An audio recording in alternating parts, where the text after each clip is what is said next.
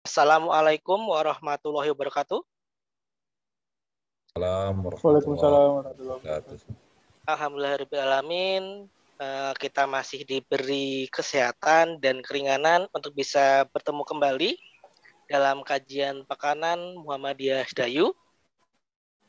Nah, pada kesempatan malam hari ini izinkan saya yaitu Bayu akan uh, bertugas untuk menemani rekan-rekan jamaah sekalian dalam kajian pada malam hari ini. Sebelumnya, um, ayolah kita mulai kajian kita pada malam hari ini dengan mengucap lafaz basmalah bersama-sama. Bismillahirrahmanirrahim. Baik, eh, untuk memulai kajian kita pada malam hari ini, Marilah kita buka dengan uh, membaca surat Al-Fatihah bersama-sama agar dan kajian kita juga bisa dihitung ibadah. Baik, uh, mari kita mulai bersama-sama Al-Fatihah. A'udzu billahi minasyaitonir rajim. Bismillahirrahmanirrahim. Alhamdulillahi Rabbil Alamin Ar-Rahmanir-Rahim. Maliki Yaumiddin. Iyyaka na'budu wa iyyaka nasta'in. Ihdinas siratal mustaqim siratal ladzina an'amta alaihim ghairil maghdubi alaihim waladdallin amin sadaqallahu adim Demikian tadi telah kita baca bersama-sama surat Al-Fatihah. Baik, eh, tema kajian kita pada malam hari ini adalah tafsir juz amma. Nah, uh, seperti apa nanti isi kajiannya akan kita simak langsung dari Ustadz Ali Aulia yang sudah hadir di tengah-tengah kita. Lalu kajian kita pada malam hari ini juga disiarkan langsung dari studio Mualimin TV, Muin TV. Nah, bisa rekan-rekan simak di YouTube-nya. Lalu kajian pada malam hari ini juga direkam uh, dan akan bisa rekan-rekan sekalian dengarkan kembali di Ancor. Untuknya nanti akan kami bagikan kembali. Begitu Ustadz Ali, uh, bagaimana kabarnya? Baik, Alhamdulillah, Rabbil Alamin. Alhamdulillah, nggih. Ustadz Ali langsung dari rumah gini nggih. Ya benar dari rumah ini. Iya. Ya. Baik, Ustadz Ali, um, tanpa mulai waktu lagi, biar nanti kajian bisa panjang dan diskusi juga bisa panjang, waktu dan tempat kami persilahkan. Baik, bismillahirrahmanirrahim. Assalamualaikum warahmatullahi wabarakatuh. Waalaikumsalam warahmatullahi wabarakatuh. Alhamdulillahi rabbil alamin. Alhamdulillahilladzi anzala al-Qur'an bilisanin arabiy mubin. Ashhadu an la ilaha illallah rabbul arsil azim Rabbul Arsil Azim wa ashhadu anna Muhammadan abduhu wa rasuluh as-sadiqul amin. Allahumma salli wa sallim ala nabiyyina Muhammadin wa ala.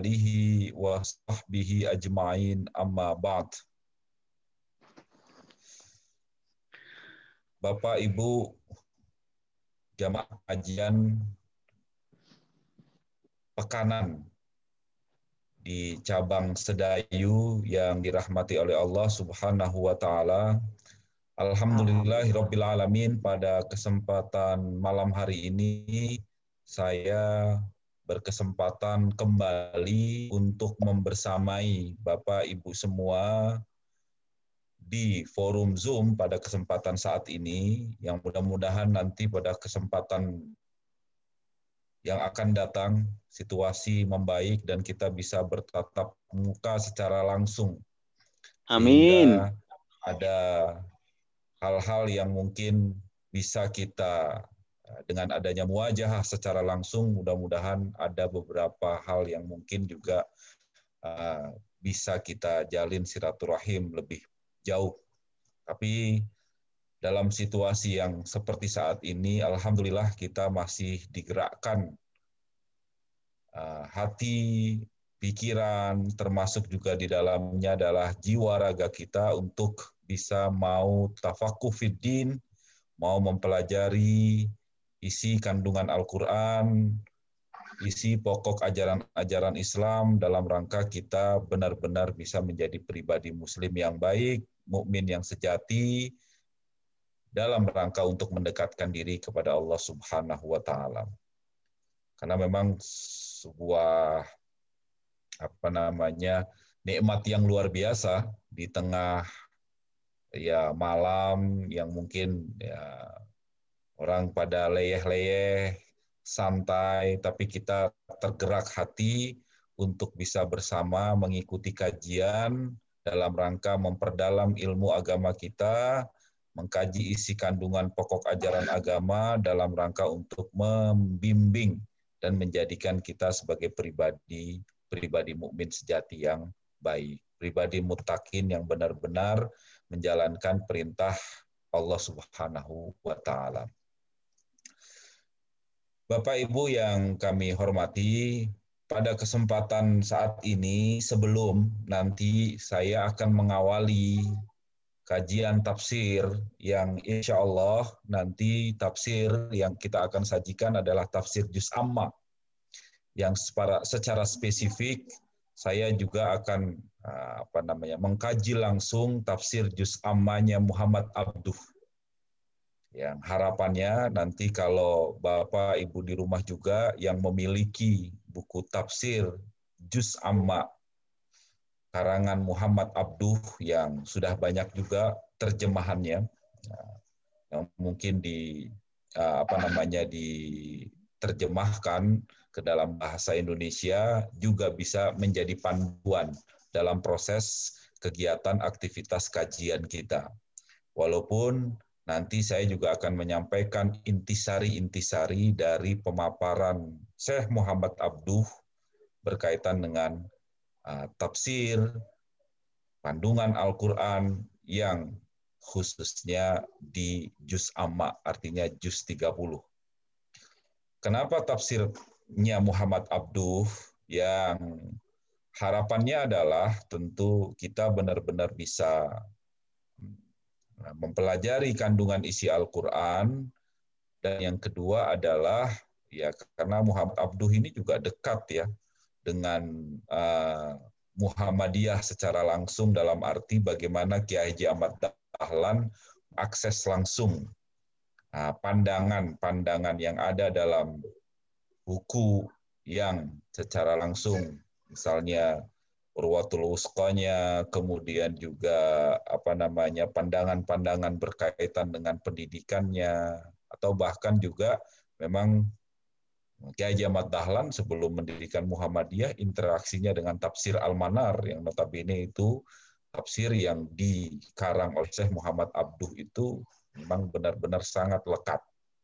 Nah, untuk kita akan masuk ke sana pada kesempatan awal ini, saya ingin memberikan uh, satu pengantar terlebih dahulu sehingga para jamaah semuanya memahami dengan baik apa itu tafsir Al-Qur'an dan bagaimana sebetulnya seorang mufasir atau orang yang menafsirkan Al-Qur'an tadi itu membuat atau kemudian menafsirkan Al-Quran sesuai dengan bagaimana sistematikanya, pendekatannya, atau bahkan kemudian bagaimana dia memiliki cara pandang berkaitan dengan penyajian interaksi seorang tafsir terhadap Al-Quran.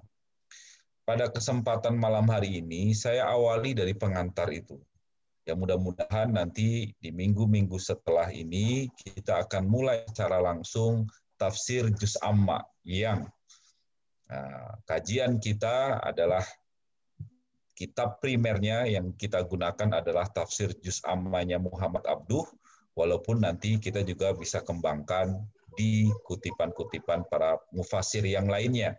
Termasuk juga di dalamnya adalah bagaimana cara kita akan melakukan kajian dengan Al-Quran tadi, melalui tafsir tadi itu, kemudian melalui metode seperti apa, pendekatannya seperti apa, sampai kita mengetahui kenapa kita memilih Muhammad Abduh yang kaitannya tafsir, yang kaitannya juga memiliki pendekatan para ulama-ulama yang lain.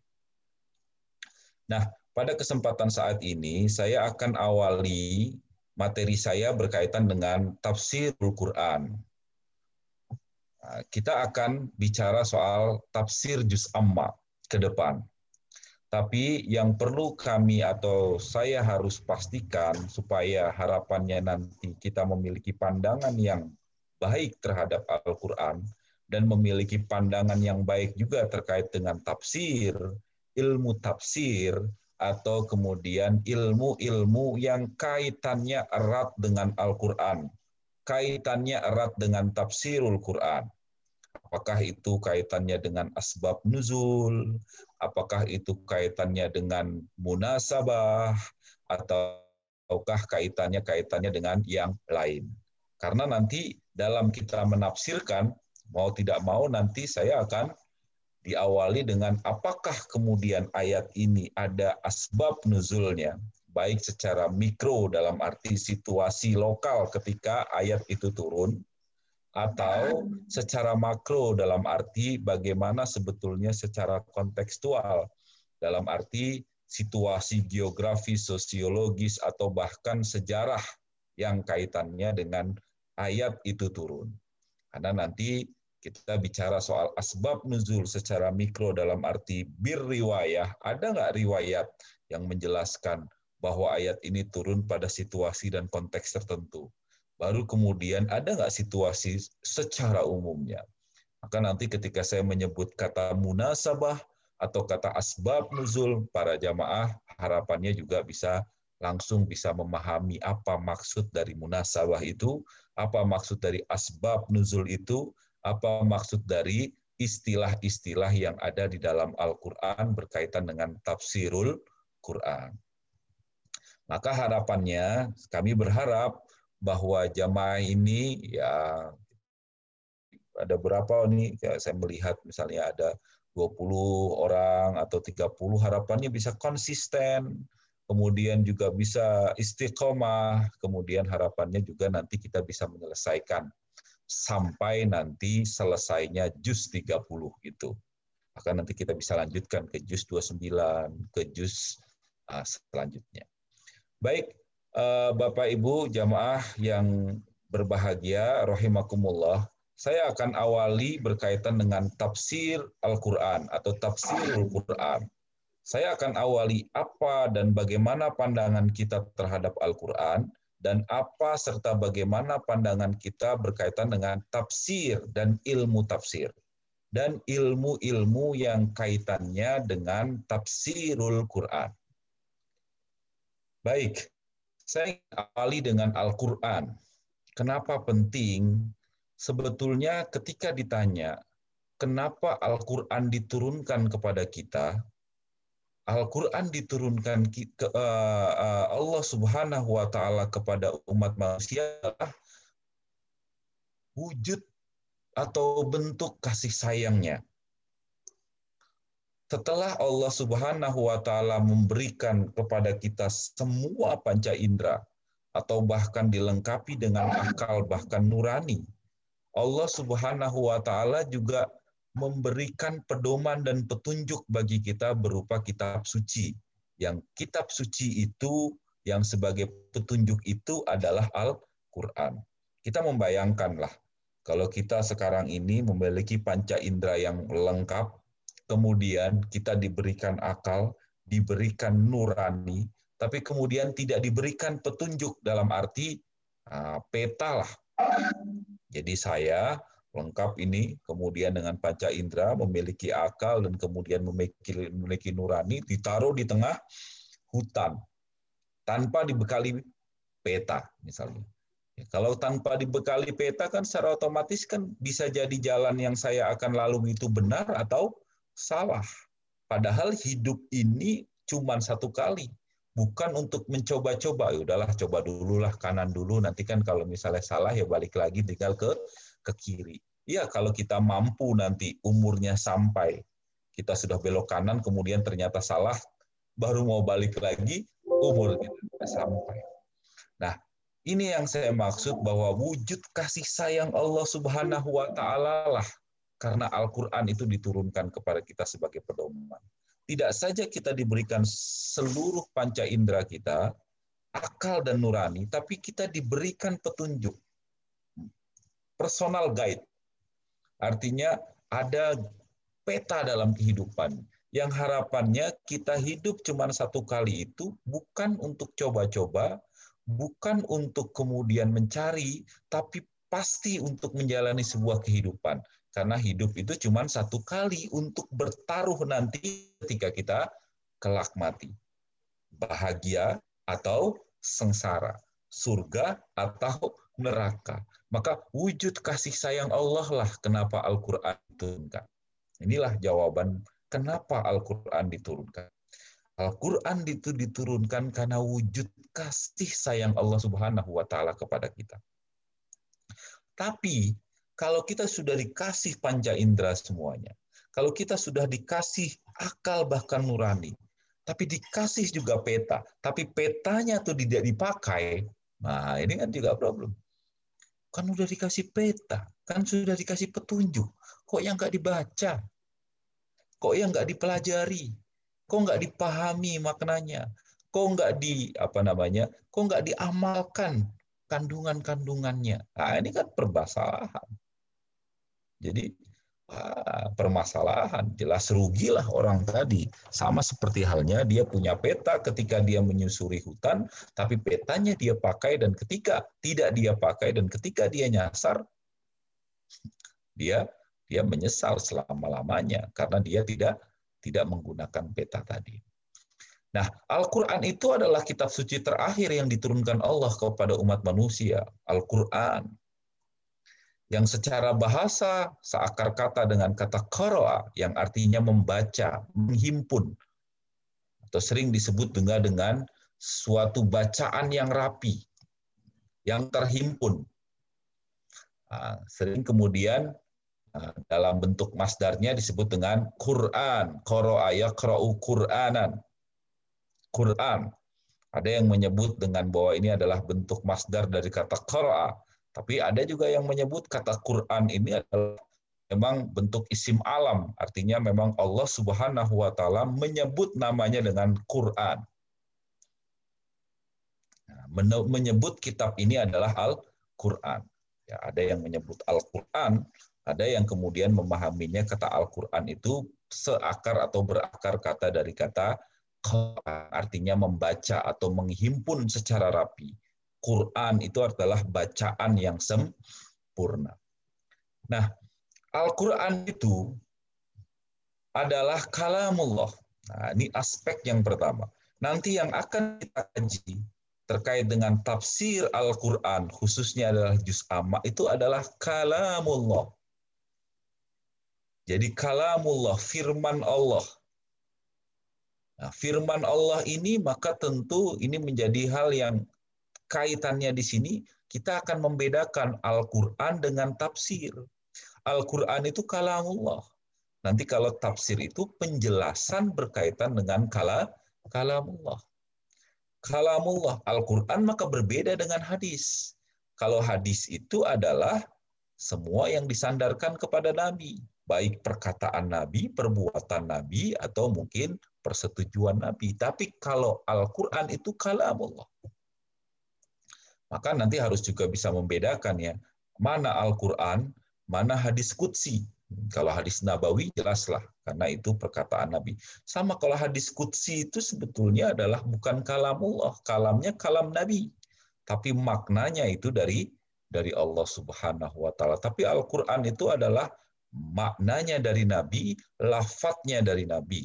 Nah, eh kalau Al-Quran itu maknanya dari Allah, belafatnya dari Allah Subhanahu wa taala. Itu yang kita sebut dengan kalamullah.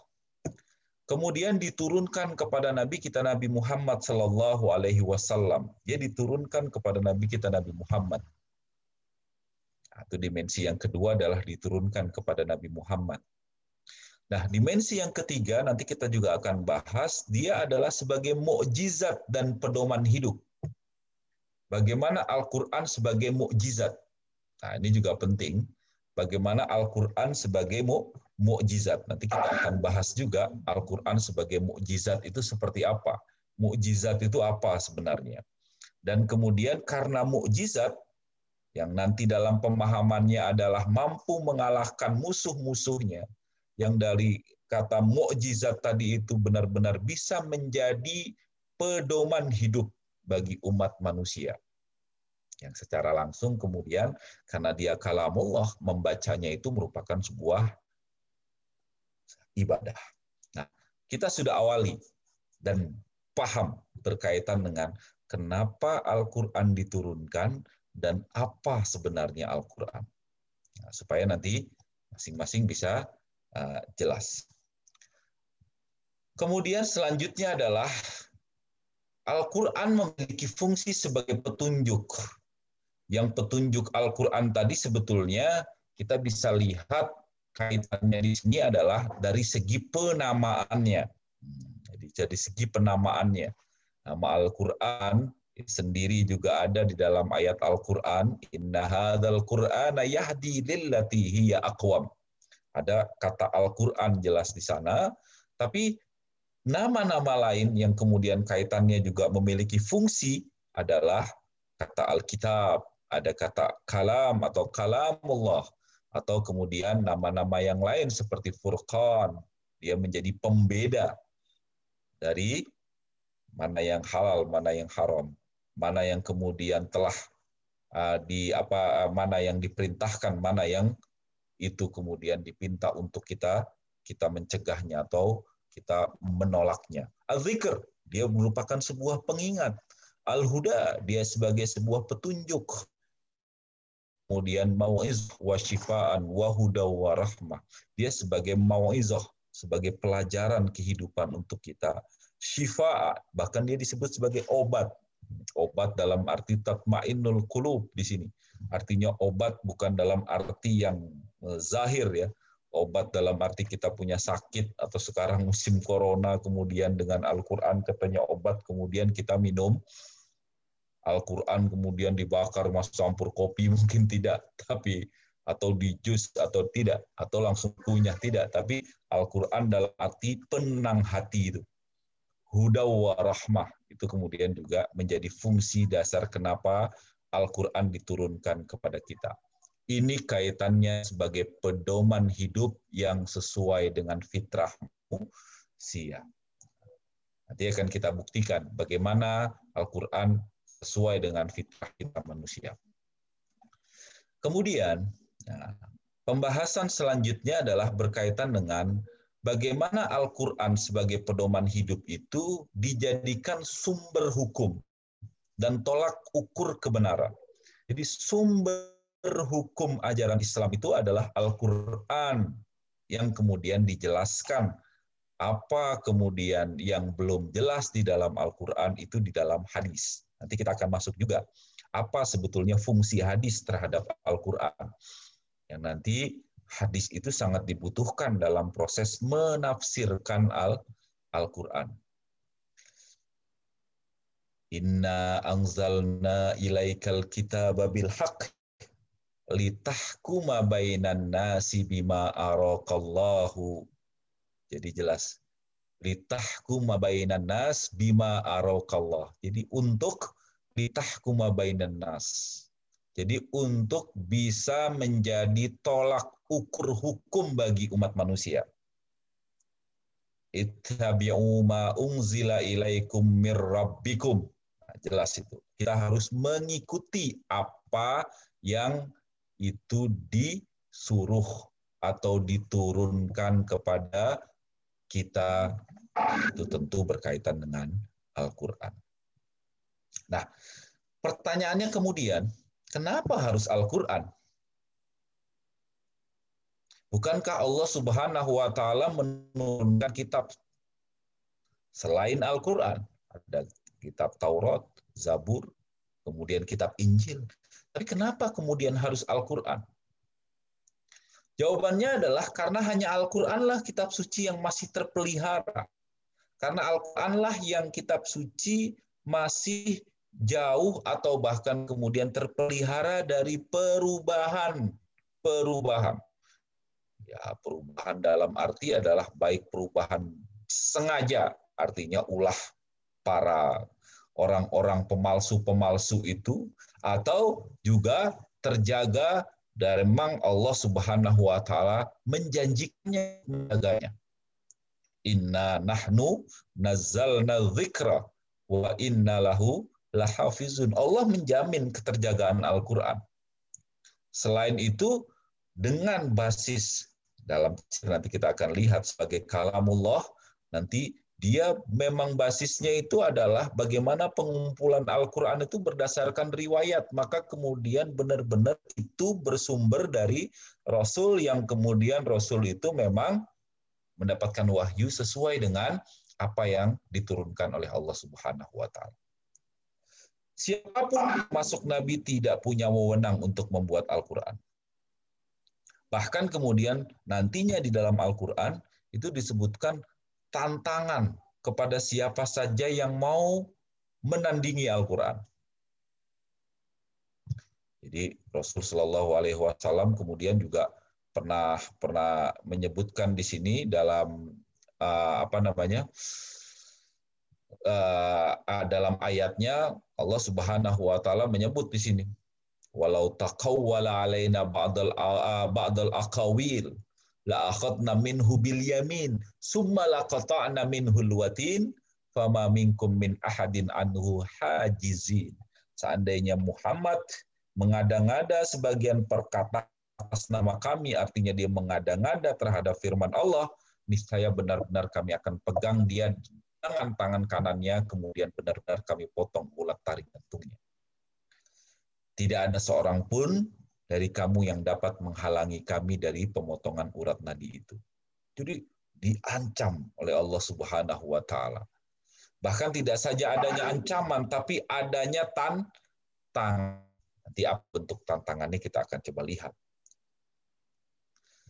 Kemudian selanjutnya juga di sini bagaimana Allah Subhanahu wa taala memberikan penjagaan lain dengan diturunkannya menggunakan bahasa Arab yang sampai sekarang sebagai kalam Allah kita membacanya dan kemudian apa namanya itu berbuat bagian dari pahala ketika kita memang membacanya dengan membaca bahasa Arab. Inna anzalnahu Qur'anan Arabiyan la'allakum ta'qilun. Ungkapan la'allakum ta'qilun itu mengajak manusia untuk menggunakan akal. Kenapa Al-Qur'an diturunkan berbahasa Arab? Ya, kalau gambarannya, kalau kita melihat kenapa ya harus berbahasa Arab? Karena kalau sebagai sebuah proses komunikasi antara Allah dengan Rasul, ya nanti Allah sebagai seorang komunikatornya, Rasul sebagai komunikannya, maka bagaimana pesannya itu bisa sampai ya bahasa yang harus dipahami oleh si komunikan. Walaupun memang kenapa Al-Quran menggunakan bahasa Arab, banyak para apa namanya kritikus juga menyebut bahwa bahasa Arab ini memang bahasa yang memiliki keunggulan yang cukup banyak atau memiliki keunggulan-keunggulan dibanding bahasa-bahasa yang lain. Jadi bahasa Arab dinilai mania, jamia, jadi benar-benar komprehensif, ringkas, jelas. Kadang-kadang kita menyebut dalam bahasa Arab itu kadang perubahan panjang pendek, penekanan huruf tasdid itu bisa jadi berubah makna itu. Kata misalnya kata falah dengan kata falah itu kan berbeda. Kata falah itu artinya kemenangan. Hayya alal falah itu kan artinya marilah kita menuju pada kemenangan. Tapi kalau nanti bacanya hayya alal falah orang azan begitu. Nanti marilah para petani. Falah itu kan artinya petani. Jadi berbeda itu. Panjang pendek penekanan huruf itu bisa jadi dalam bahasa Arab. Ini yang kan merupakan sebuah keunggulan. Nanti Dalam proses penafsiran juga dilihat ragam bacaannya dalam ilmu kiroat yang mungkin jadi ada aspek perbedaan penafsiran dalam proses kita memahami isi kandungan Al-Quran dalam ilmu kiroat. Nanti kita akan juga bahas. Jadi ada istilah. Jadi ada perbedaan bacaan, ada yang membacanya panjang, ada yang membacanya tanpa panjang, tapi kemudian panjang maupun tidak panjang disebut kiroah kalau tidak mempengaruhi maknanya, tidak berubah maknanya. Tapi kalau berubah maknanya, maka secara otomatis itu disebut sebagai kiroah yang syat atau kiroah yang tidak bisa kita terima. Nanti kita akan bahas dalam penafsiran, nanti biasanya akan muncul juga demikian. Mudah dihafal, tidak ada kitab suci di dunia ini yang paling banyak dihafal melebihi Al-Quran. Banyak kadang-kadang kita menyebut banyak kita temukan ya. Teman anak mualimin itu udah ada yang sampai setoran 30 juz, di atas 40, hampir 50 siswa. Atau bahkan yang sekali juju, uh, sekali duduk itu ada yang 10 juz, ada yang 20 juz. Uh, secara otomatis itu baru usia yang masih anak-anak, termasuk juga di dalamnya. Jadi banyak itu di Indonesia sekarang cukup marak di mahat-mahat tahfiz luar biasa. Kemudian inilah antara lain penyebab Al-Qur'an berbahasa Arab dan terpelihara dari perubahan-perubahan Qur'anan Arabiyyan ghairu di'awajin la'allahum yattaqun. Hanya Al-Qur'anlah yang tetap terpelihara kesuciannya yang mampu membuat manusia terpelihara fitrahnya. Itulah Al-Qur'an kenapa Al-Quran diturunkan, apa itu Al-Quran, dan kemudian apa fungsi Al-Quran, dan kenapa Al-Quran masih tetap kita percayai dan kita pedomani, karena Al-Quranlah kitab suci yang jauh atau bahkan tidak mengalami perubahan. Jauh dari ulah jahil manusia untuk bisa mampu merubahnya. Al-Quran sebagai sebuah mukjizat maka saya sudah sebut tadi kalamullahnya sudah diturunkan kepada Nabi Muhammad sudah, tapi kaitannya di sini Al-Qur'an itu sebagai mukjizat. Nah, saya awali dengan apa itu mukjizat. Al-Qur'an itu mukjizat yang diberikan oleh Allah Subhanahu wa taala kepada Rasul yang kemukjizatannya berbeda dengan mukjizat nabi-nabi sebelumnya. Ketika nabi-nabi sebelumnya kemujizatannya diberikan mukjizat dalam arti yang aspeknya ya, aspeknya fisik. Tapi Rasul Shallallahu Alaihi Wasallam artinya Nabi Muhammad diberikan mukjizat oleh Allah Subhanahu Wa Taala yang mukjizatnya itu berupa non fisik, artinya bukan hissiyah tapi akliyah. Akliyah. Jadi nalar apa sih mukjizat itu? Mukjizat itu berakar kata dari kata ajaza yang artinya melemahkan, mampu mengalahkan lawannya. Semua tantangan yang dihadapi itu disebut dengan ajaza. Maka kemudian arti kata ajaza itu lemah, tapi kalau ajaza itu melemahkan, maka orang tua sering disebut dengan ajus, orang yang sudah lemah. Tapi kata yang mukjizah itu artinya dia mampu melemahkan. Sebagai bukti kebenaran Allah Subhanahu eh, kebenaran Rasul Shallallahu alaihi wasallam, kebenaran Al-Qur'an, Al-Qur'an pun kemudian mampu melemahkan semua penantang-penantangnya atau bahkan kemudian menggungguli kitab-kitab suci atau ideologi agama mana pun. Jadi berbeda dengan kemukjizatan Nabi terdahulu, Nabi Musa dengan tongkatnya, kemudian uh, siapa lagi? Kemudian Nabi Daud dengan mampu kemudian melemahkan besi. Aspeknya fisik. Tapi Nabi Muhammad itu aspeknya akliyah non fisik. Maka bisa dikatakan kita bisa paham ya bahwa Al-Qur'an sebagai mukjizat itu bukan pada fisiknya. Bukan pada fisiknya, tapi Al-Quran sebagai mukjizat itu pada aspek bagaimana dia mau mempelajari isi dan kandungannya. Jadi para bapak ibu semua misalnya memiliki apa namanya, memiliki uh, Al-Quran. Ini sekarang dari lagi keadaan sedih, kemudian Al-Qurannya di oh setiap hari ditaruh di deket dadanya, yang harapannya supaya tenang hatinya. Enggak punya pengaruh. Karena dia bukan pada fisiknya. Ketika kemudian ada orang yang kemudian bisa jadi juga apa apa musuh atau kemudian maling atau atau penjahat kemudian kita lempar Al-Qur'an kemudian dia bisa tidak karena memang bukan fisiknya beda dengan tongkatnya Nabi Musa beda aspeknya yang hissi ya tapi dia merupakan mukjizatan yang yang akli ya nalar siapa yang mau membacanya siapa yang mau mempelajarinya Misalnya, duh saya kok merasa bahwa apa ya namanya? Saya kok merasa bahwa saya kok kamar ini nggak tenang. Sudahlah di satu kamar itu saya pasang wallpaper dinding yang satu Al-Baqarah, dinding yang satu lagi kemudian Ali Imran, dinding lagi sini Anisa.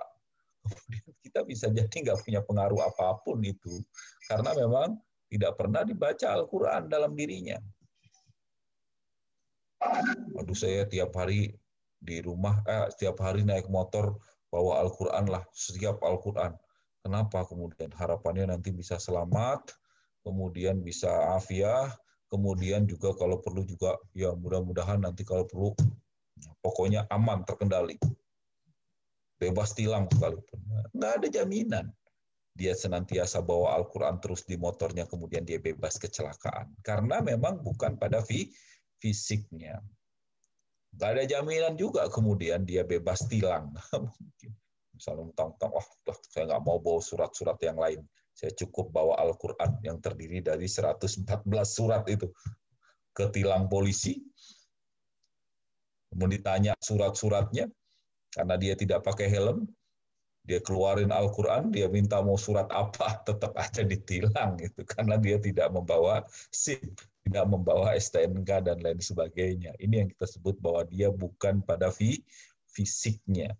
Nah, jadi bagi siapa yang mau membacanya, bagi siapa yang mau mempelajarinya, bagi siapa yang mau mengamalkan isi dan kandungannya.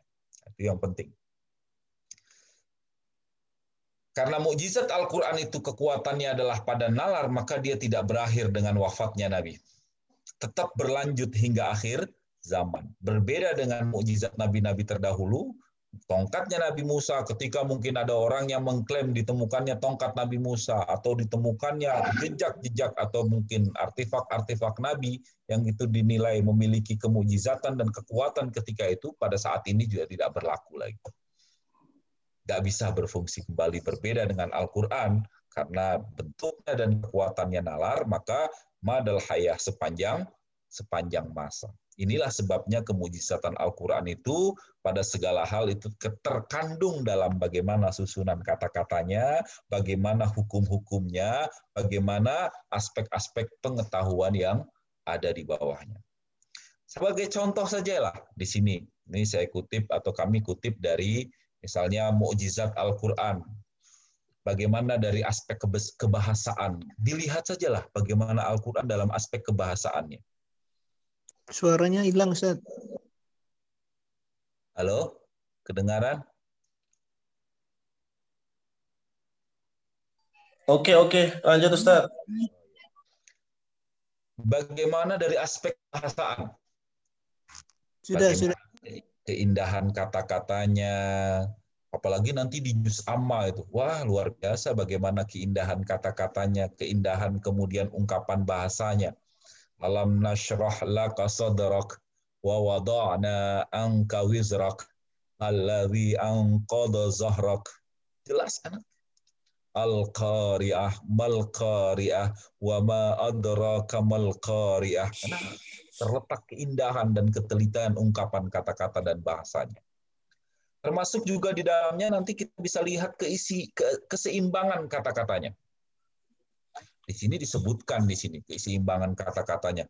Bagaimana dalam kajiannya ini kata hai yang artinya hidup dengan kata maut yang artinya itu mati itu ternyata sama-sama disebutkan 145 kali. Kata solihat yang artinya baik dengan kata sayiat yang artinya itu jelek itu sama-sama disebutkan 167 kali. Akhirat sama dunia itu sama-sama 115 kali. Ini kalau ini bukan kalamullah, bukan mukjizat, agak sulit itu. Minggu yang lalu saya membahas salah satu di bagian itu juga karena temanya berkaitan dengan bagaimana uh, kita menggapai mahabbatullah, maka saya mengkaji juga bagaimana Allah Subhanahu wa taala itu mencintai dan tidak mencintai. Maka kemudian saya inventarisir itu innallaha yuhibbu innallaha yuhibbu sama innallaha la yuhibbu innallaha la yuhibbu. Ungkapan la yuhibbu sama yuhibbu. Ternyata juga ketika diinventarisir itu sama-sama 16 kali. Allah menyebutkan kata yuhibbu 16 kali la yuhibbu itu 16 kali penyebutan kata yaum yang artinya hari dalam bentuk tunggal itu sebanyak 365 kali, di mana itu jumlah hari dalam satu tahun.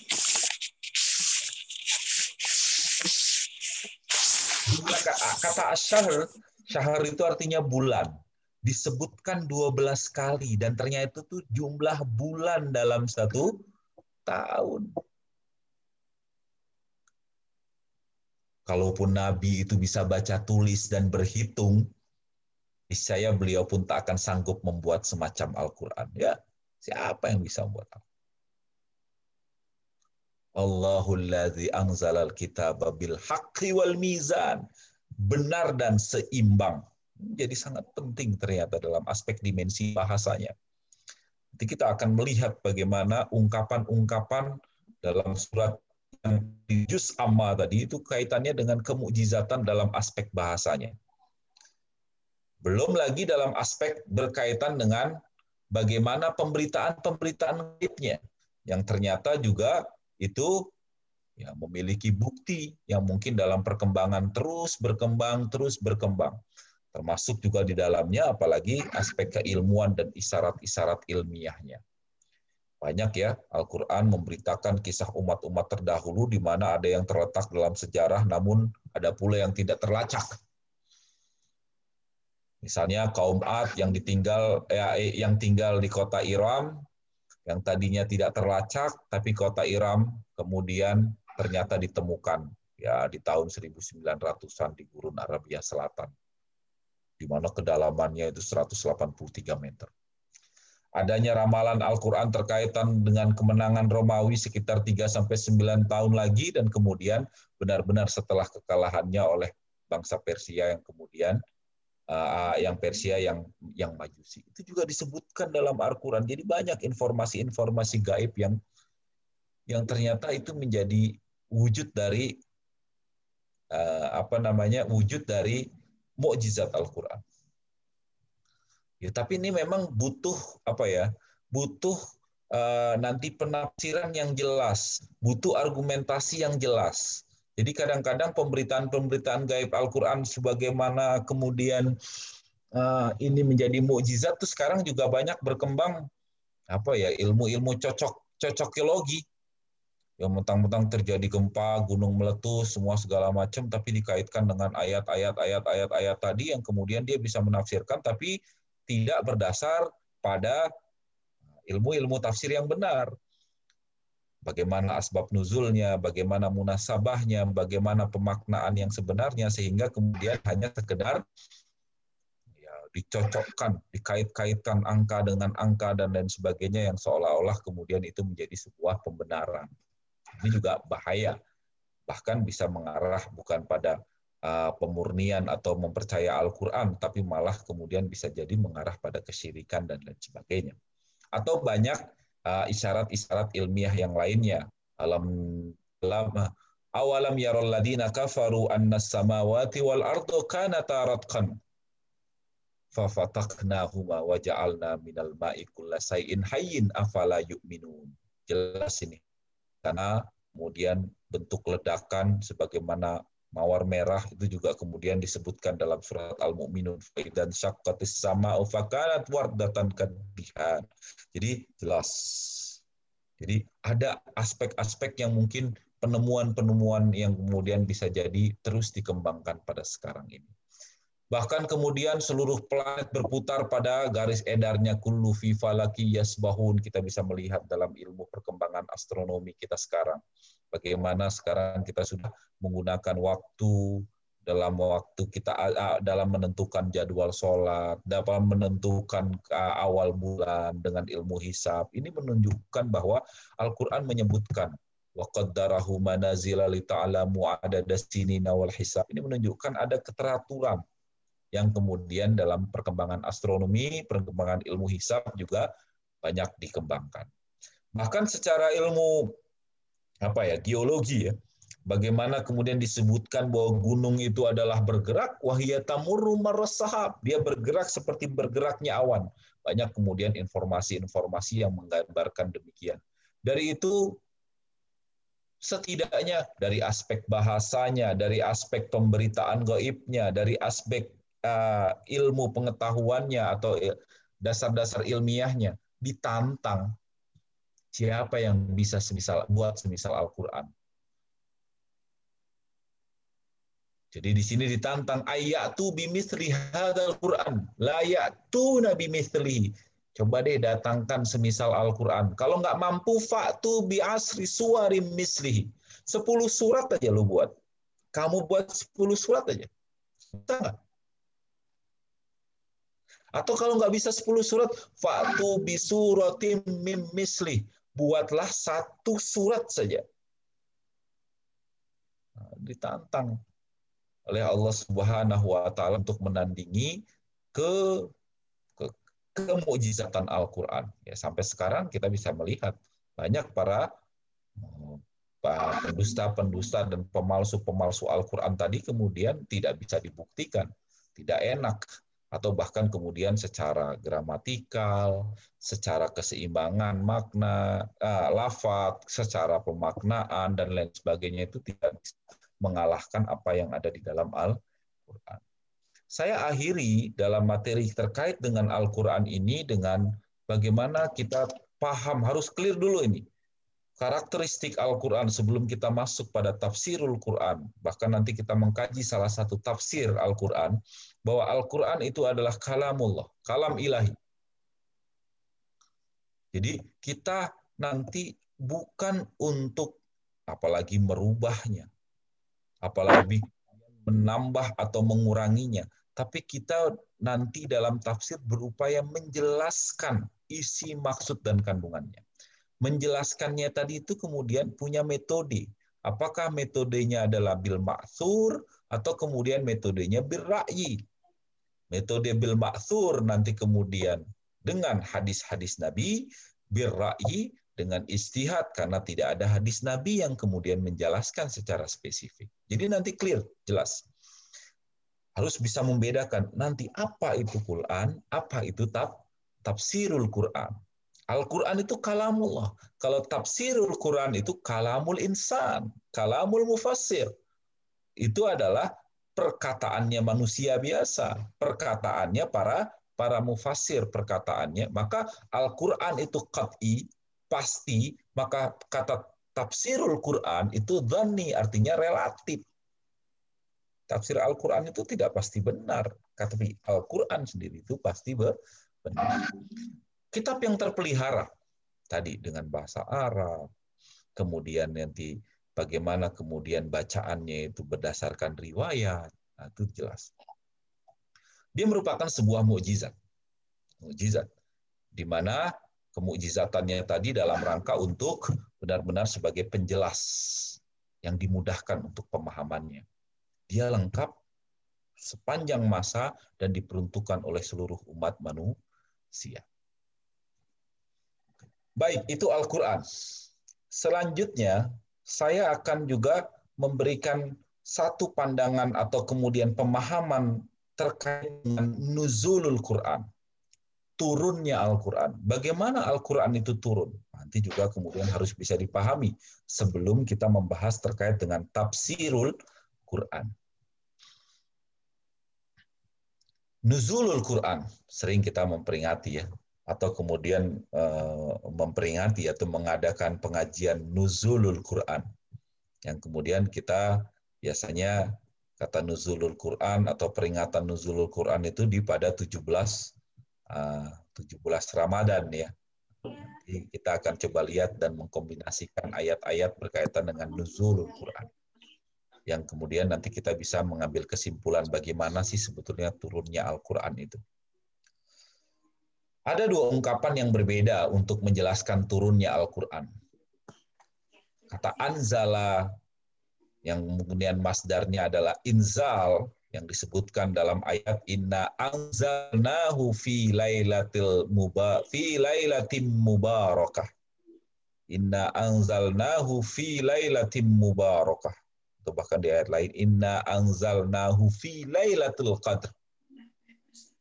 Tapi ada juga kemudian kata nazzala, kata tanzil, wa qur'anan faqara'nahu dan nasi ala mukthi wa nazzalnahu tanzila.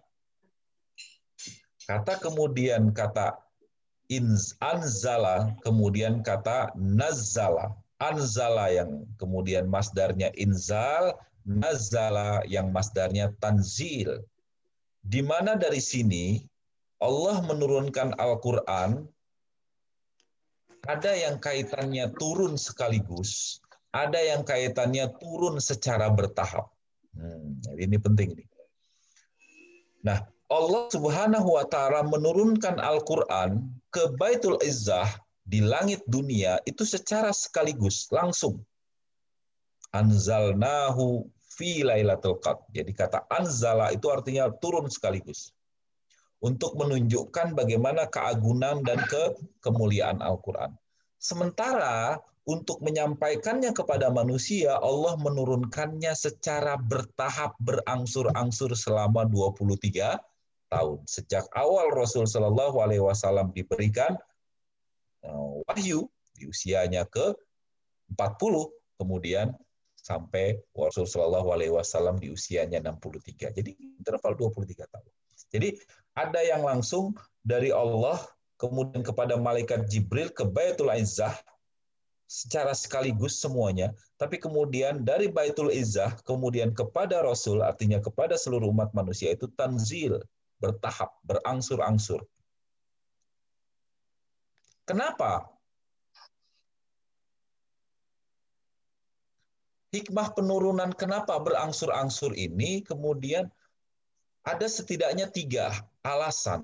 Alasan yang pertama, fungsinya untuk lebih meneguhkan hati Nabi Muhammad Wasallam supaya bersabar dalam menghadapi berbagai macam gangguan. Ketika dia dapat masalah turun wahyu, ketika dia dapat masalah turun wahyu, ketika dapat masalah turun wahyu, gitu terus. Kalau datang sekaligus, seolah-olah kemudian merasa ditinggalkan kan, udah sekaligus. Tapi kalau lagi sedikit dia dapat masalah ada jawaban. Ada jawaban. Artinya meneguhkan hati Nabi. Sehingga Nabi benar-benar bisa sabar menghadapi segala macam gangguan. Ada ketegasan bahwa Allah Subhanahu wa taala tidak meninggalkan Nabi. Allah Subhanahu wa taala memberikan perlindungan dan pertolongan kepada Nabi. Itu kenapa kemudian bertahap? Selain itu karena memang menjawab tantangan dan menjelaskan pertanyaan itu direspon, maka bisa langsung diterima, bisa langsung ditangkap, dan para sahabat bisa mudah untuk mengamalkan. Bisa dipahami, bisa diresapi. Kemudian, meskipun turun kepada Nabi yang notabene-nya awalnya ummi, buta huruf, di tengah kaum yang ummi, karena memang itu responsif merespon peristiwa dan permasalahan umat ketika itu maka mudah diterima atau mudah dipahami. Itulah kenapa turun secara bertahap, berangsur-angsur. Jadi itu hikmahnya. Itu hikmah kenapa berangsur-angsur. Kalau kaitannya dalam diskusi eh, apa namanya melihat itu ya jadi kan kalau perdebatannya kan dalam nuzulul Quran kan Gimana sih kan Syahrul Ramadan alladzi unzila fihil Quran.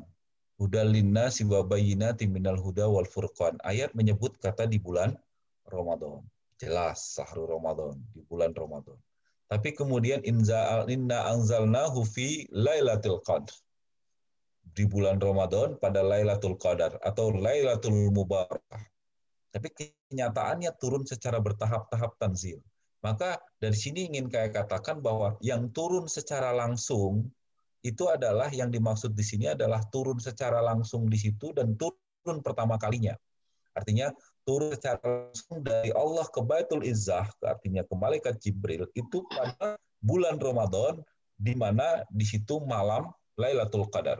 Dan ketika itu juga turun kepada Rasul yang pertama kalinya di bulan Ramadan pada malam Lailatul Qadar. Tapi turun ayat-ayat setelahnya itu tidak mesti di bulan Ramadan selama 23 tahun tadi itu. Jadi itu ingin menjelaskan titik temunya. Bagaimana cara Allah Subhanahu wa taala menjelaskan wahyu atau memahyukan firman-Nya? Ya, kita memahami tentu ada berbagai perantara ya. Adanya kemudian seperti perantara wahyu itu seperti bisikan min warai hijabin. Dari belakang hijab atau kemudian tadi illa wahyan atau bisa jadi juga dari bisikan wahyu atau juga kemudian bisa jadi jadi dari utusnya ayur sila rasulan diutusnya utusan, yaitu malaikat Jibril, dan kemudian itulah bagaimana cara diturunkannya wahyu. Atau bahkan ayat-ayat Al-Quran umumnya diturunkan melalui cara yang nazala biruhil amin, melalui malaikat Jibril yang secara langsung menurunkan Al-Quran. Baik, saya sudah mengawali dengan Al-Quran. Nah, pada kesempatan saat ini juga, yang mudah-mudahan juga nanti bisa dipahami, barulah kita masuk kepada tafsirul Quran. Gimana tuh tafsir Al-Quran itu? Kata tafsir, kata tafsir itu artinya adalah menjelaskan. Fassara yufasiru tafsiran. Tafsir, menjelaskan, merinci, menyingkap, menerangkan sesuatu abstrak atau masih tersembunyi untuk kemudian diungkap, dijelaskan, dirinci. Maka ada ilmu tafsir adalah ilmu untuk memahami kitabullah. Di mana kitabullah tadi yang diturunkan kepada Nabi Muhammad Shallallahu Alaihi Wasallam tadi untuk? Menjelaskan maknanya, menjelaskan hukumnya, dan menjelaskan hikmahnya. Ini yang kita sebut dengan tafsir atau ilmu tafsir. Maka nanti pembahasan kita ke depan bicara tentang tafsirul Quran pada surat tertentu adalah menjelaskan, merinci, menyingkap atau menerangkan yang masih abstrak atau tersembunyi dalam kandungan Al-Quran. Itu kemudian kita pahami maknanya hukumnya dan hikmahnya. Ada istilah lain yang kita kenal dengan istilah takwil, nanti supaya bisa membedakannya. Kata tafsir dengan takwil. Walaupun ada juga yang menyamakan kata tafsir maupun takwil, tapi ada juga yang kemudian membedakannya. Artinya ada penjelasan esensi maknanya sebenarnya sama, kata artinya tafsir maupun kemudian takwil sama, menjelaskan makna dari ayat atau lafat Al-Quran yang ada.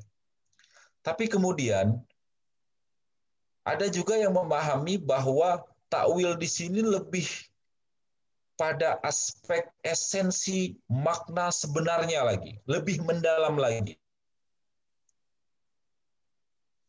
Artinya tafsir itu bukan Al-Qur'an yang mutlak uh, uh, maksudnya gini uh, apa namanya uh, lebih lebih khusus gitu ada yang memahami sama ada yang memahami lebih khusus ungkapan kata takwil itu lebih khusus daripada kata taf, tafsir artinya lebih mendalam lebih esensial ya, tapi nanti kita lebih banyak memahami bahwa kata tafsir dengan kata uh, takwil itu sama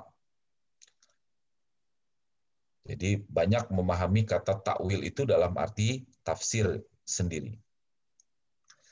Jadi kata takwil itu artinya dari kata uh, awala. Jadi ungkapannya adalah kembali kepada makna awal sebenarnya. Hakikat apa, seperti apa. Dan kemudian itu bisa kita pahami dengan baik. Jadi esensi gramatikal kata tadi itu dipahami dari akar katanya.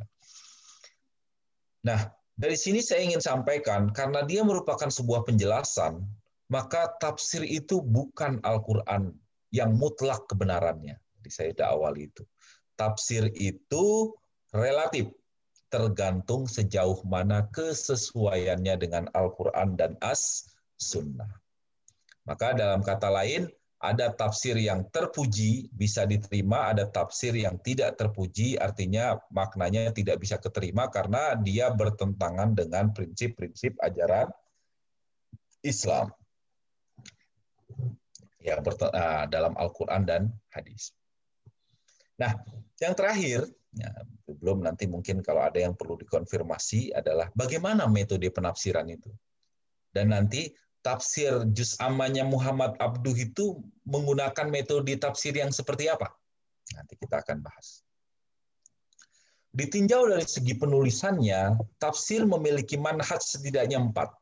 Yang pertama adalah tafsir tahlili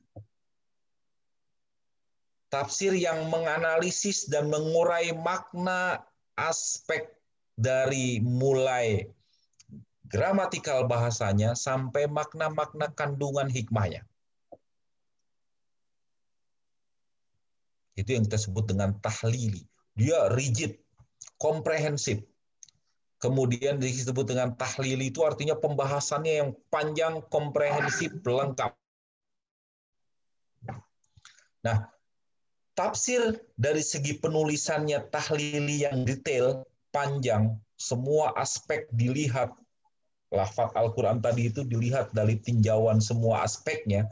Kemudian nanti tinjauan informasinya bisa dilihat dari setidaknya apakah kemudian dia bil maksur, dalam istilah lain adalah bir riwayah, atau bir ra'i, dalam istilah lain adalah dengan akal, bil akli, Nah, kalau beriwayah di sini adalah penafsiran yang lebih menekankan pada teks atau riwayat.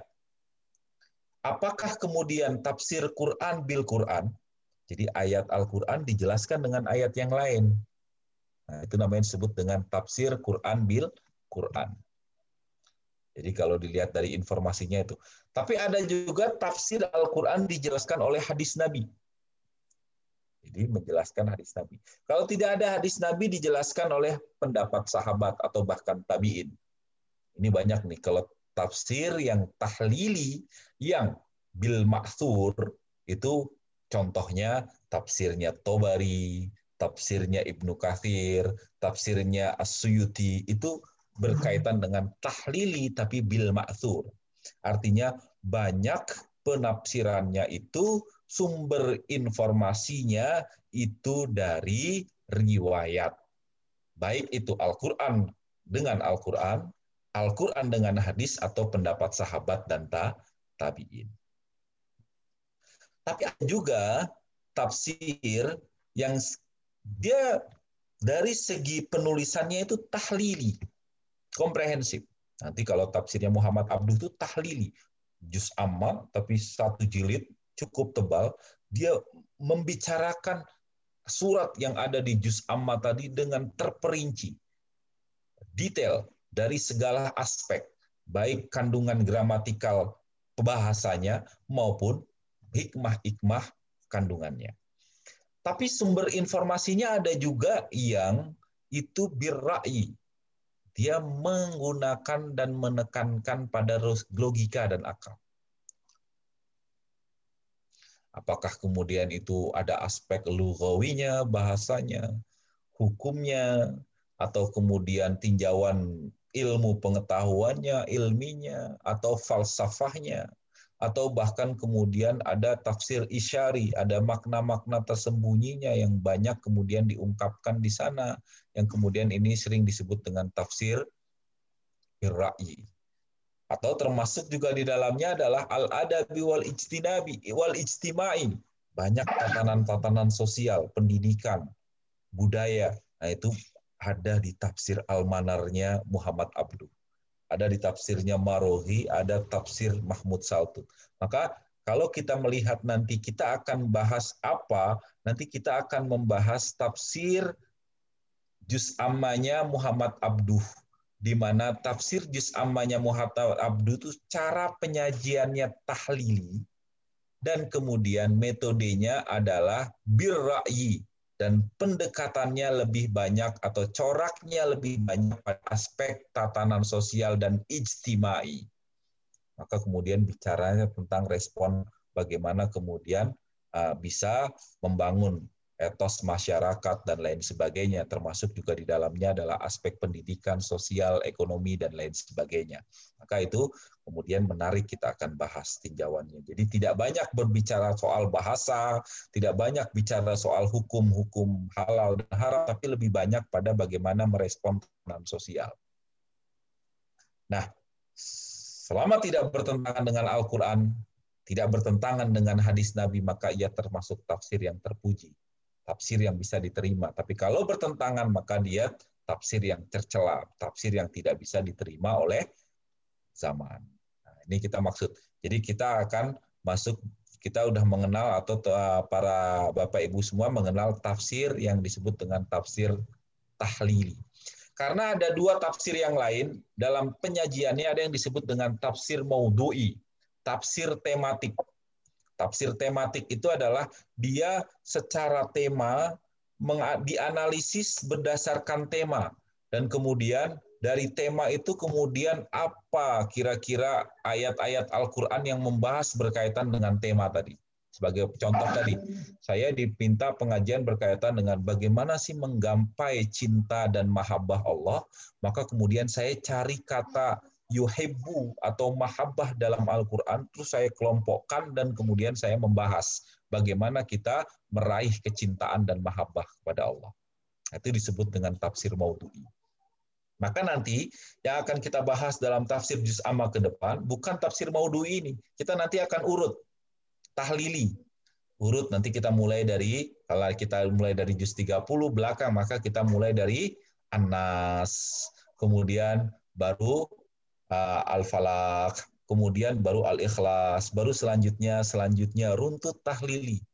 Tidak berdasarkan tema-tema tertentu. Ya kalau maudhu itu tafsirnya membahas tentang tema dalam surat tertentu atau tema dalam ayat tertentu. Banyak ya insan fil Quran, manusia di dalam Al-Quran, riba fil Quran, riba dalam Al-Quran, atau tafsir maudhu'i atas berbagai persoalan umat, Pak Shihab juga ada.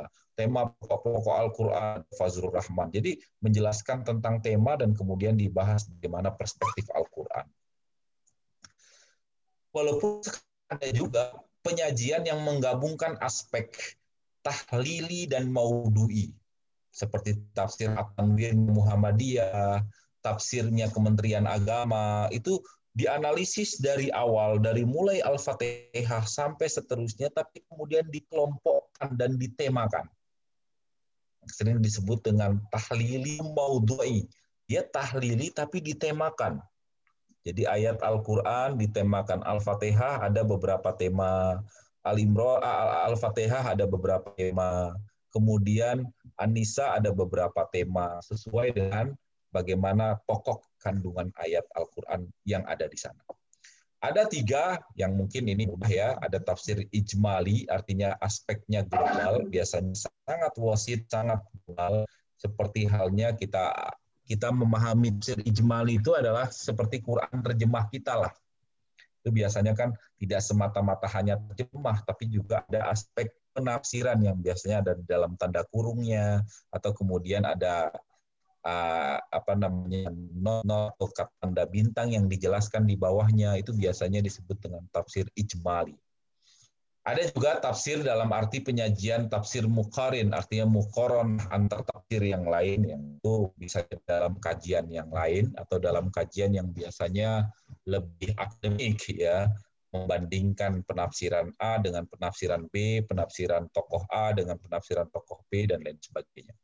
Dan inilah yang saya sebut dengan bagaimana kita bisa menafsirkan Al-Quran. Nah, tentu seorang yang menafsirkan tadi itu harus benar-benar muslim yang sejati, artinya dalam arti memiliki kemampuan berbahasa Arab yang baik, mengetahui ilmu-ilmu berkaitan dengan Al-Quran.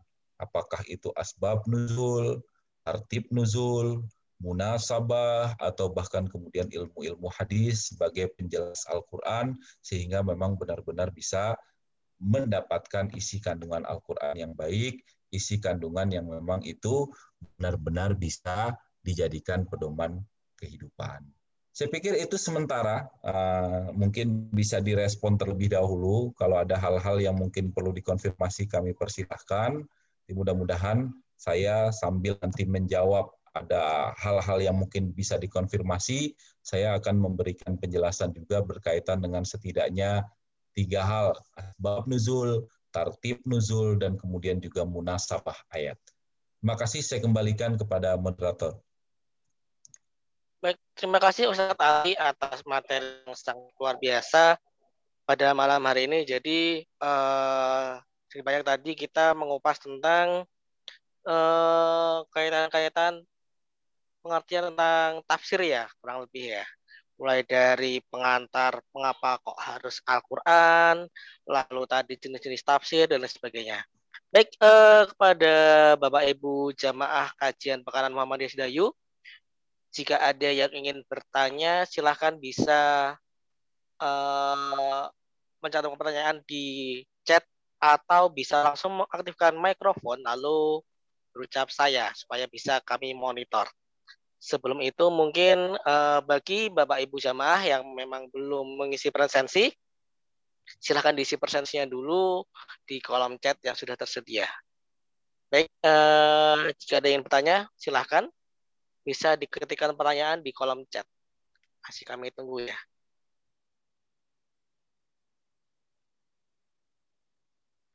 Ya, mungkin Ustaz Ali bisa rehat dulu sambil minum-minum. Bapak Ibu juga masih bisa minum-minum dengan materi yang sangat luar biasa pada malam hari ini.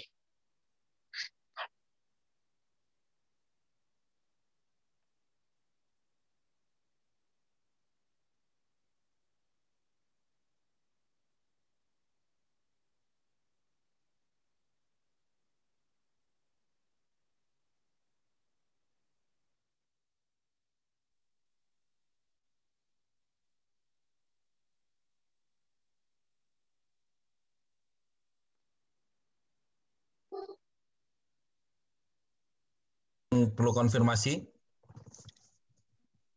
Baik, Ustadz Ali. Uh, saya ingin bertanya, Ustadz Ali.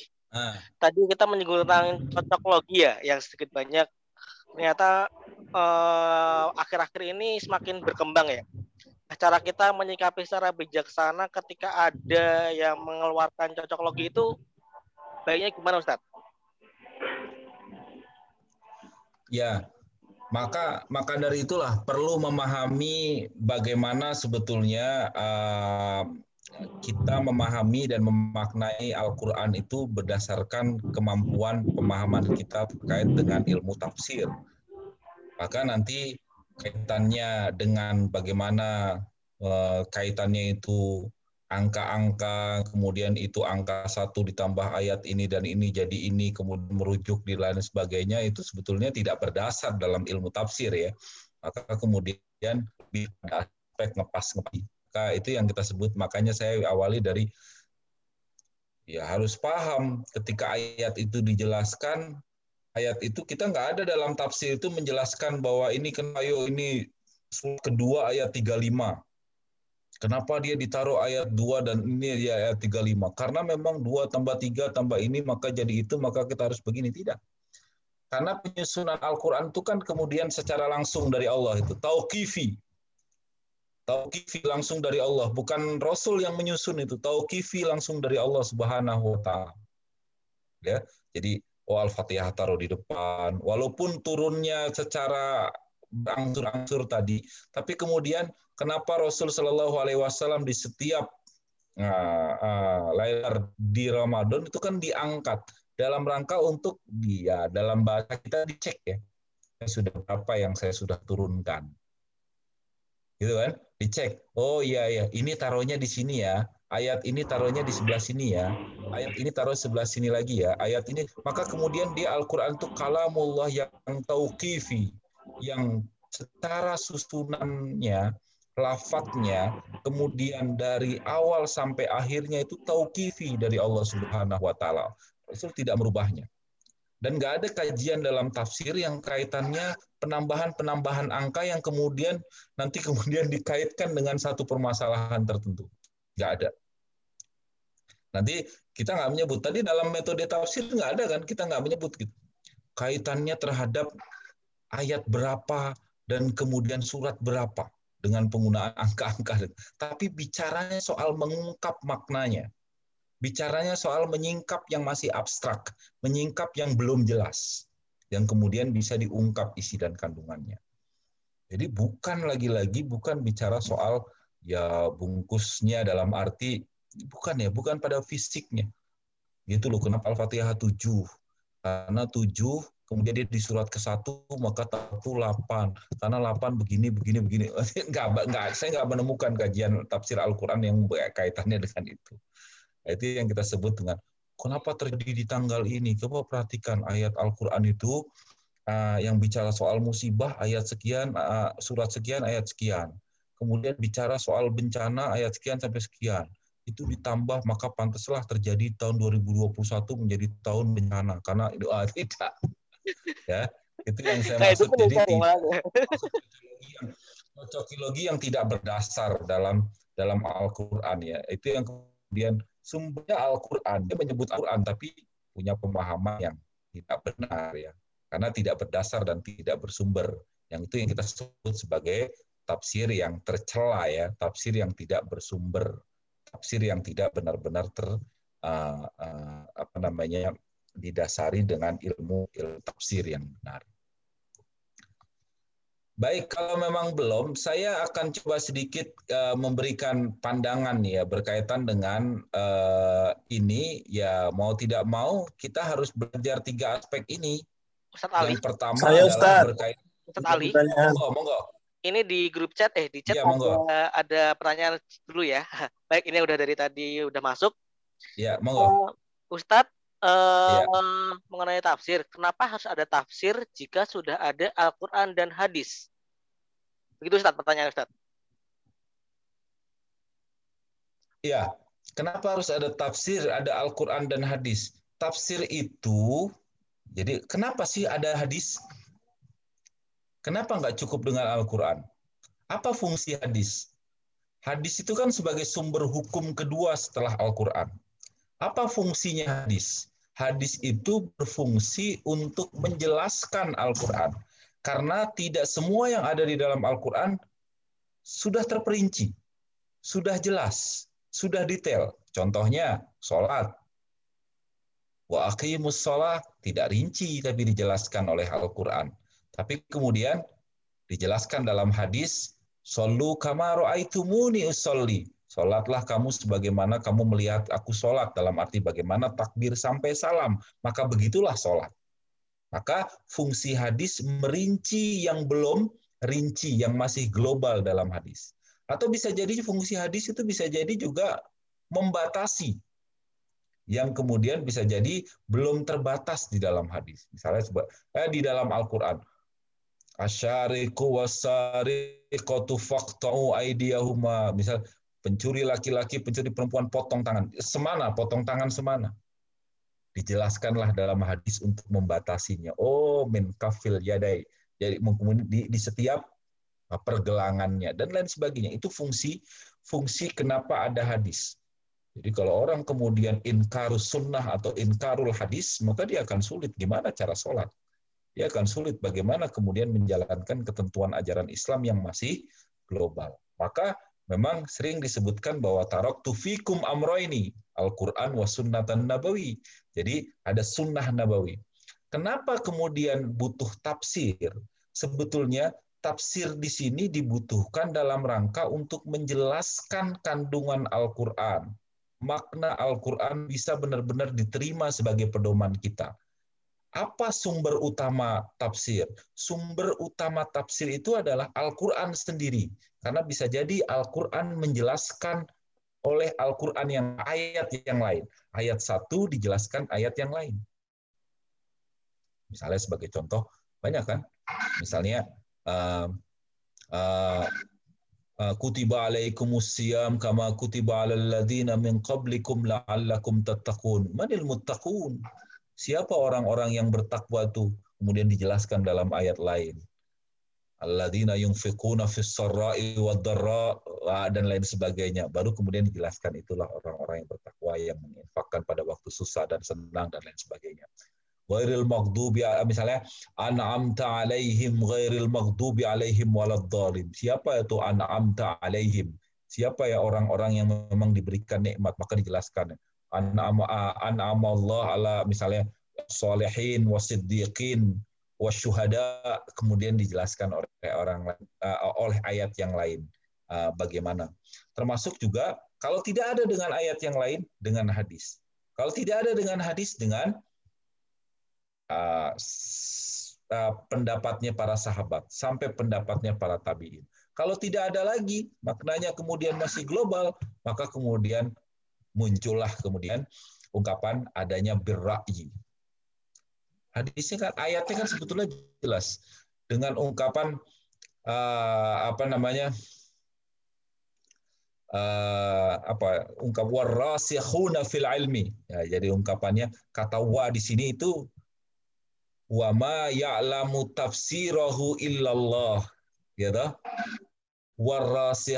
Fil ilmi. Jadi ada yang kemudian memahami tidak hanya yang mengetahui makna dan tafsirnya kecuali hanya Allah tapi ungkapan warasikhuna fil ilmi. Ungkapan wa di sini apakah wau atof ataukah kemudian wau yang lain? Ada yang memahami wau atof. Jadi selain Allah adalah orang yang memiliki kedalaman ilmu untuk mengetahui isi kandungannya. Maka dari argumentasi itulah kemudian dibolehkannya ada pendekatan ra'yi, pendekatan akal, pendekatan ijtihad untuk bisa memahami isi kandungan Al-Quran ditinjau dari aspek bahasanya, ditinjau dari aspek-aspek yang berkaitan dengan apa namanya bahasa, kemudian sejarah, kemudian aspek-aspek yang lain yang kemudian itu sesuai dengan perkembangan keilmuan yang ada. Jadi penting kalau kita belajar nggak belajar tafsir, kita nggak belajar bagaimana mengungkapkan makna kandungan dan kita tidak mengetahui secara komprehensif kandungannya. Karena kita nggak mengetahui kandungannya, maka kemudian kita agak sulit untuk mengamalkannya. Jadi itulah fungsi dari tafsir. Jadi setelah kita mau membacanya, bagaimana kita mau mempelajarinya? Ya membaca tafsirul Quran. Bagaimana kemudian mengawalinya sebelum membaca tafsir Quran? Berupaya membaca terjemahnya. Dari terjemahnya kemudian membaca tafsirnya. Itu menurut saya itu. Jadi penting. Baik, tadi ada yang mau bertanya melalui suara. Apakah jadi? Pak siapa nggih? Monggo. Monggo. Monggo, Pak. Apakah jadi bertanya? Bisa langsung mengaktifkan mikrofonnya?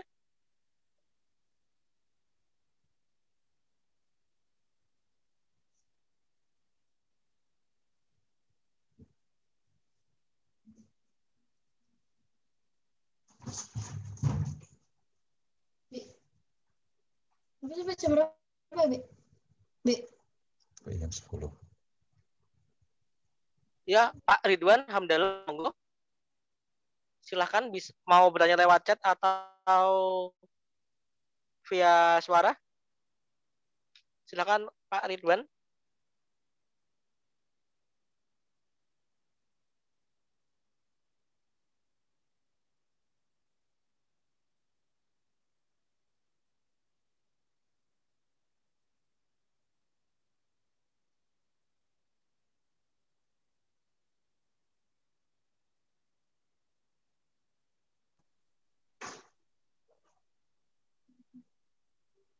Gimana Pak Ridwan? Apakah jadi?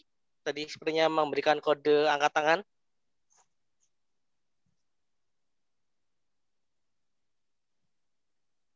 Baik. Apakah sekali lagi? Uh, masih ada waktu, jika tidak ada kami akan melakukan closing materi kepada Ustadz Ali untuk menutup kajian kita pada malam hari ini. Sekali lagi masih kami beri kesempatan kepada Bapak Ibu jamaah kajian Pekan Muhammadiyah Dayu. Bagi yang ingin bertanya, masih kami beri kesempatan. Baik, kalau tidak, uh, saya akan uh, akhiri pertemuan ya. kita pada kesempatan kali ini dengan kami atau saya mengenalkan ya berkaitan dengan ya istilah dan kemudian yang kaitannya erat menjadi perangkat penting dalam memahami isi kandungan Al-Quran dalam tafsir. Yang pertama adalah berkaitan dengan asbabun nuzul. Nanti pasti biasanya kita akan sebelum mengawali atau sebelum memahami dan memaknai isi kandungan Al-Quran, kita akan mengecek dulu asbab nuzulnya, sebab turunnya Al-Quran.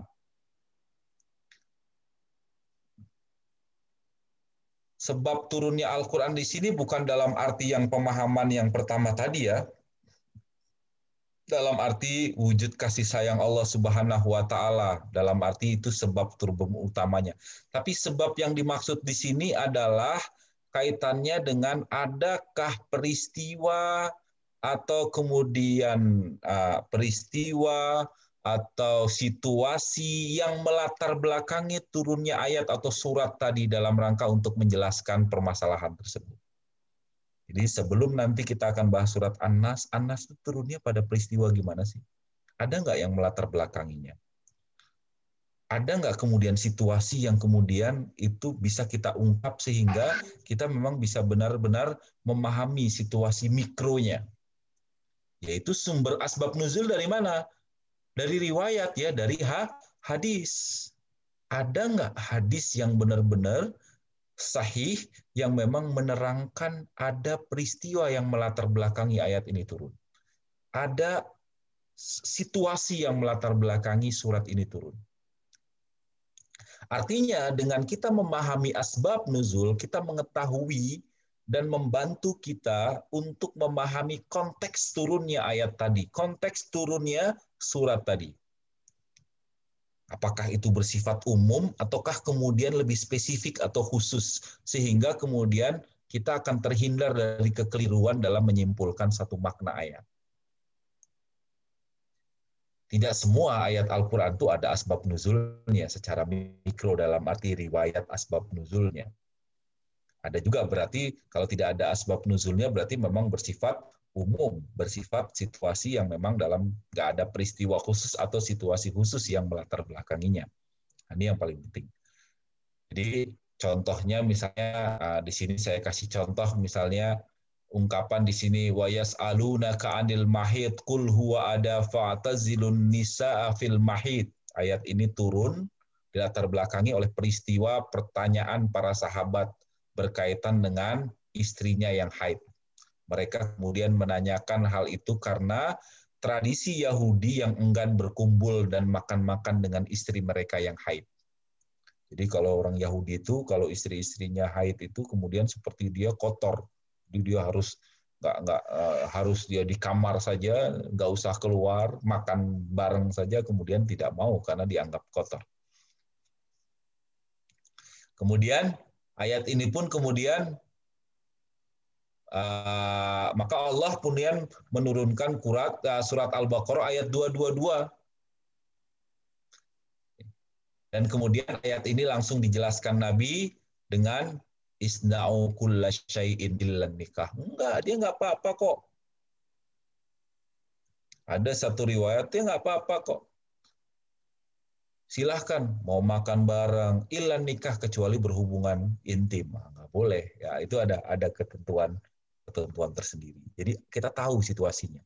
Atau misalnya sebagai contoh, walillahil masyriqu wal maghrib fa ma tuwallu fasamma wajhullah.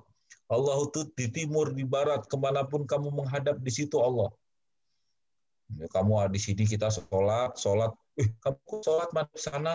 Oh, apa salahnya? Ini loh ayat Al-Baqarah 115. Allah itu di timur dan di barat, ke mana pun saya menghadap di situ Allah. Apa salahnya saya sholat menghadap sini? eh ayat itu turun karena ada satu peristiwa di mana ada kelompok sahabat yang melakukan perjalanan yang nggak tahu arah kiblat. Nah, sekarang sudah ditentukan arah kiblat itu. Gitu. Nah, ketika ada pagi tiba, kemudian para sahabat tuh kemudian merasa ragu, aduh saya tadi salah kiblat, gimana ya? Laporlah kepada Nabi, saya harus sholat ulang, atau kemudian sholat saya dianggap tidak sah, atau kemudian cukup karena saya tidak tahu. Turunlah ayat ini yang memberikan penenangan, kamu tidak usah sholat ulang karena Allah itu di timur dan di barat, karena dia tidak tahu arah kiblat. Jadi ada asbab nuzul yang penting. Jadi jangan kemudian ayat tadi menemukan ayat kita pakai kemudian kita tidak memahami bahwa ayat tadi itu sebetulnya ada peristiwa atau situasi yang melatar belakanginya. Ayat tentang Homer, nanti juga bicara tentang tartib nuzul juga akan bisa kita lihat. Nah ini uh, tartib nuzul. Nah, tadi saya sudah ungkapan bicara tentang Homer. Turut tu, urutan turun. Karena bisa jadi Allah Subhanahu wa taala itu kemudian kita menyebut kita harus paham juga ada tartib nuzulnya ayat. Artinya pengetahuan tentang mana ayat yang terlebih dahulu turun, mana ya ayat yang kemudian turun belakangan. Sehingga kita punya pemahaman bahwa ayat atau surat tadi itu punya pemahaman yang benar-benar benar, tepat, komprehensif paling paling tentang Homer itu. Tentang Homer itu kan ada beberapa ayat itu. Ayat yang masih ada dalam Al-Quran surat 1667 dijelaskan di situ bagaimana aktivitas masyarakat dalam memproduksi Homer itu. Yang bisa memabukkan itu juga mendapatkan risi tatakhiduna minhu syakar warizkan hasanan. Homer itu mendatangkan mabuk tapi mendapat mendatangkan rizki yang baik. Baru kemudian di selanjutnya Allah menurunkan Al-Baqarah 219. Yas'alunaka 'anil khamri wal maisir kul fihi ma ismun kabirun wa manafi'ul linnas wa ithmuhuma akbaru min naf'ihima. Turunkanlah kemudian bolehlah ingat tapi khamr tadi itu ada madorotnya, ada manfaatnya, tapi madorotnya itu lebih banyak daripada manfaatnya. Barulah kemudian turun ayat yang kemudian kebiasaan Homer itu ternyata mengganggu ibadah. Wala taqrabu sholata wa antum sukaro. Jangan sholat kamu dalam keadaan mabuk. Barulah kemudian fajtani buhu di ayat yang lain. Haram. Innamal khamru wal maisiru wal ansabu wal anzamu rizun min amali syaitan fajtanibu. Lihat tuh tertibnya. Nanti kalau, loh, saya, kamu kok minum khomer? Loh, apa salahnya? Tatakhiduna minhu syakara wa rizqan hasana kok. Ada dalam Al-Quran. Uh, ayat tadi itu kita harus pahami secara komprehensif tertib nuzulnya. Ini penting ya, supaya tidak terjadi kesalahpahaman dalam menyimpulkan hikmah dan hukum.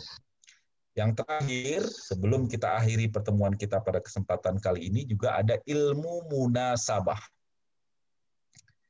Ilmu munasabah ini berbeda dengan ilmu nuzulul Qur'an, ilmu asbabun nuzul yang itu basisnya riwayat. Tapi kalau munasabah ini basisnya tidak riwayat. Basisnya itu ijtihad. Jadi munasabah itu mempelajari hubungan kolerasi antara surat dengan sebelumnya, surat sebelumnya, atau kemudian ayat satu dengan ayat sebelumnya dan ayat sesudahnya. Tadi saya sedikit sudah mencontohkan, ada munasabah. Yang menjelaskan ilmu munasabah itu biasanya adalah uh, ya Quran bil Quran, siratal ladzina an'amta alaihim. Kemudian dijelaskan manil ladzina an'amta alaihim itu an'amallahu alaihim minan nabiyyin wa siddiqin wa. Ini menunjukkan ada munasabah antar ayat dengan ayat atau ada munasabah antar surat dengan surat. Nah, ini sebagai contoh dasar yang itu harus juga dipahami.